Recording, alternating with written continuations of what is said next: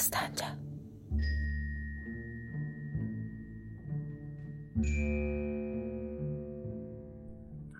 Biz nə edə bilərdik?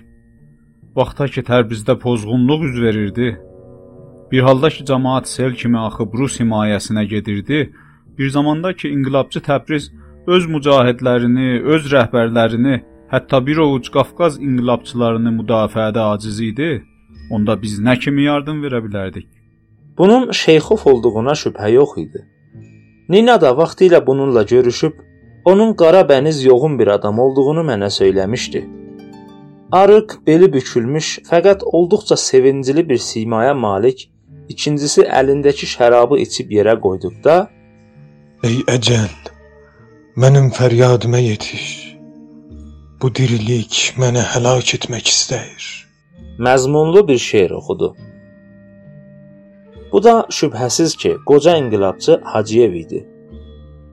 Üçüncüsü uca boylu, qırmızı üzlü, olduqca görkəmli bir zat idi. Bu da Baxşaliyağa şahtəxtli olacaqdı. Bu adam içmirdi, daima papırız çəkir və dişini somururdu. Bunun üçün şərab yerinə buzlu ayran hazırlamışdılar. Dördüncüsü arıq, uzun, xırda gözlü bir kişi idi.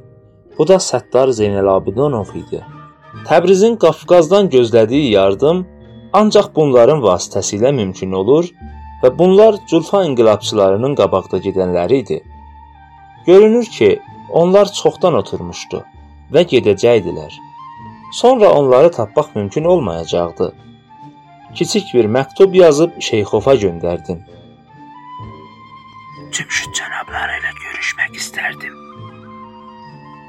Şeyxov Cümşüd kəlməsini oxuduqda təəccüb etdi. Çünki bu ad onun inqilabı hərəkatda daşıdığı gizlin adı idi. O mütəfəkkir və qara gözlərini mənə çevirdi və heç bir söz söyləmədən məktubun cavabını yazdı. Evimiz klubun dağısındadır. Klubu soruşsanız göstərərlər. Sabah saat 2-də gözləyəcəm. Mən ancaq bu məktubu aldıqdan sonra rahat yeməyə başladım. Onların da asta və gizlin söhbətləri başladı. Heç şübhə yoxdur ki, mənim barəmdə danışırdılar. Dastanca. Onlar başları ilə vidalaşaraq getdilər. Mənim üçün də yeni çıxmış əlamdar qovunu gətirmişdilər. Hələ qovundan yeməmişdim. Saat 2-yə işləyirdi. Birdən uzun dəhlizdə çar zabitlərinin hayküyü başlandı. Bir çox İranlı və yerli tacirlər qaçıb getdi. Qadınlar da həyət qapısından çıxıb başqa mehmanxanalara qaçdılar. Zabitlərdən bir neçəsi xidmətçiləri döyüb qadın tələb etmişdilər. Qadın gətirilmişdi, lakin zabitlərin hamısına qadın yetişmədiyindən dalaşmağa başlamışdılar. Zulfanın hər tərəfindən toplanmış 15 nəfərə qədər əxlaqsız qadın dəhlizin bir başında saxlanılmışdı.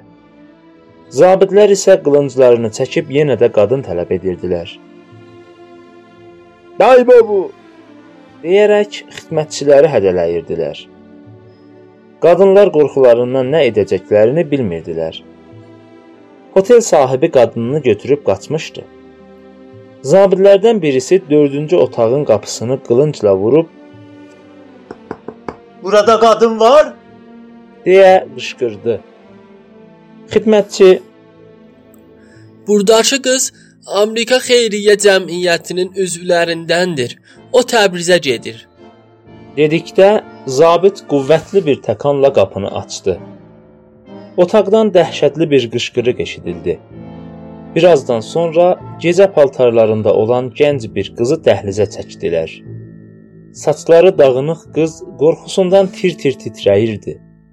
O gah almanca, gah ingiliscə yalvarırsa da sözünü eşidən yox idi. Çar zabitlərinin qafasından iki şey hökm sürürdü. Şəhvət və şərab. Zabitin birisi namusu vəhşilər əlində olan Amerikalı qıza arası kəsilmədən nutq söyləyir və deyirdi: Biz Saran yolunda şərqə gedirik. Kim bilir? Bəlkə salamat qayıtmadıq. Xanım qız, siz mədəni bir qızsınız. Bilməlisiniz ki, sizi özümüzə həmişəlik mal etmirik. Bir gecə qalıb gedənlərdənik. Siz heç də təlaş etməyin. Biz mədəni və ziyalı adamlarıq. Sar zabitləriyik. Qıza yardım etmək lazım idi. Lakin müdaxiləyə cəsarət etmirdim. Pasportum var idi. Canımdan qorxurdum. Çünki qılınclar və boş petrolar kəsməyə və əzməyə baş arayırdı. Onların sırasında ayıq olanları da var idi, lakin onlar da qadın ver deyə qışqıranların səsinə səs verirdi. Mən yüksək rütbəli 40-45 yaşlarında bir zabitə yanaşdım. O məni başdan ayağa qədər gözdən keçirdi və yanında bir Avropalı durduğunu hiss edincə Nə istəyirsiniz? dedi. Mən eh, sizə bir neçə söz demək istəyirdim. Dedim. Buyurun. deyə cavab verdi. e, siz şərqə gedirsiniz. Burada şərqin girəcəyidir. Siz İrana böyük Rusiya mədəniyyətini aparmaq və orada sülh səlaməti bərpa etmək üçün gedirsiniz. Siz bu iddia ilə də başqa bir hökumətin torpağına daxil olmaqdasınız. Əlbəttə, sizin bu rəftarınız imperator hökumətinin təqib etdiyi sülh siyasətinin əleyhinədir. Əcəba siz bunu nəzərdə almırsınızmı? Dastanca. Yüksək rütbəli zabit sözlərimdən ayılan kimi oldu. Siz İranlı mısınız? Deyə soruşdu. Xeyr, Qafqazlıyam. Çar təbəsiyəm. Bunun üçün də ordumuzun əskəri namusunu ikləyəcək hərəkətləri gördükdə utanıram. Dedikdə o əllərini çiynimə qoyaraq dedi: Elədir. Namusunuzu təqdim edirəm. Fəqət qız da gəncdir, gözəldir. Onlar bunu buraxmaq istəməyəcəkdir. Mən bunların qarşısına keçəcəyəm. Siz qızı buradan rədd ediniz. Sizdən çox razıyam. Qız mənim zabitlə danışdığımı görərək ağladı və anlamadığım bir dildə danışmağa başladı. Mən onun sözlərini anlamasam da, hər halda mənə yalvardığını və yardım istədiyini hiss edirdim. Qızın qolundan tutub odama çəkdim. Kiçik əl çəmədanımı alaraq qızla bərabər pəncərədən balkona düşərək dal qapıdan küçəyə çıxdıq. Qapıda duran faytonda oturub birbaşa Orient otelinə hərəkət etdik. Burada Ələkbər yoldaşa təsadüf etdikdə çox sevindim. O da mənim və yoldaşlarımın Təbrizdən salamat qurtardığımızı və rusların əlinə düşmədiyimizi eşitdikdə şad oldu. Qız gecə paltarlarındaydı. Tez bir adam göndərib qızın şeylərini Fransa otelindən gətirtdim. Qızı danışdırmağı və onu təskin etməyi bacarmırdım. Qızın müxtəlif Avropa dillərində mənə təşəkkür etdiyini hiss edirdim. Lakin nə bir şey anlayır və nə də bir şey anlada bilirdim. Nəhayət o زبان فارسی را می دانید؟ deyə farsça danışmağa başladı. Mən təəccüblə ona baxdım və kəm-kəm hərf mizənəm deyə cavab verdim. Məni heyrət bürümüşdü. Əcəba bu gənc qız farsçanı haradan öyrənmişdi? Kim idi və haraya gedəcəkdi? Anladığım bir dildə danışması məni çıxılmaz vəziyyətdən qurtardı.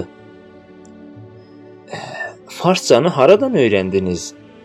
deyə soruşdum. Nyu-Yorkda Şərq dillər danışədəsini bitirmişəm. Atam da şərqşinasdır. İngilis misiniz? Xeyr, Amerikan manlarındanam. Eh, nə əcəb.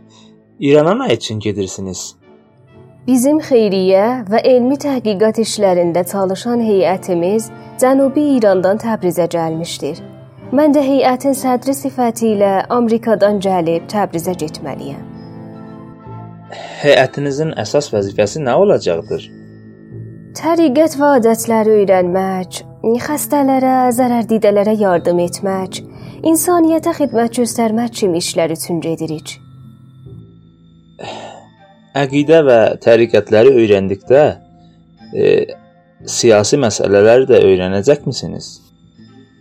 Xeyr, siyasi məsələlərə qarışmaq vəzifəmizə daxil deyildir. Səyahətimiz elmi və xeyriyyə məqsədlərini daşıyır. Çox gözəl. İndi siz özünüzü biraz rahat hiss edirsinizmi? Çox təəssüf edirəm ki, əxlaqsız zabitlər sizi narahat etdi. Doğrudur. Bu gecə onların qorxusundan mən dışarı belə çıxa bilməmişdim. Mən sizin bu gecəki xidmətinizin əvəzində şübhəsiz ki, sizə dəyərli bir xidmətdə buluna bilməyəcəyəm. Lakin əmin ola bilərsiniz ki, bunu ölüncəyə qədər unutmayacağam. Əlbəttə, elə mühüm bir xidmətdə bulunmadım. Bu xidməti hər bir vicdanlı kişi yerinə yetirməli idi. Köməksiz və yardımsız bir qızı sərxoş və vəhşi zabitlərin əlindən xilas etmək vəzifəm idi. Dedim. Qız bu sözlərimə qarşı bir daha təşəkkür etdi. Əsəblərim qarışdığından yata bilməyəcəydim. Ələkbər yoldaş yemək sifariş vermiş və kiçik balkonda süfrə açmışdı. Qıza da yemək təklif etdim. Buyurun, siz də bizimlə süfrədə iştirak edin. Məmnuniyyətlə iştirak edərəm. Doğrusu, qorxumdan odanın qapısını açıb şam yeməyinə çıxa bilməmişdim. deyə qız süfrədə oturdu. Yemək yeyərkən məndən soruşdu: Siz Qafqazlı mısınız? "Xeyr, İranlıyam." deyə özümü tanıtmaq istəmədim. Nə iş görürsünüz? Hə, xəsarətə uğramış bir tacirəm. Nə etməli? İnqilab baş vermiş bir ölkədə zərər çəkməmək mümkün deyildir. Təbrizə mi gedirsiniz? Evet, Təbrizə gedirəm. Yenə də qazanarsınız. Mən sizi Amerika ticarət müəssisələri ilə tanış edərəm. Bu mümkündür. Lakin biz bir süfrə başında oturduğumuza baxmayaraq tanış olmağı unutmuşuq. Bu sözdən sonra mən əlimi qıza sarı uzatdım. O da nazik əlini mənə uzadaraq sıxdı və dedi: Miss Hana,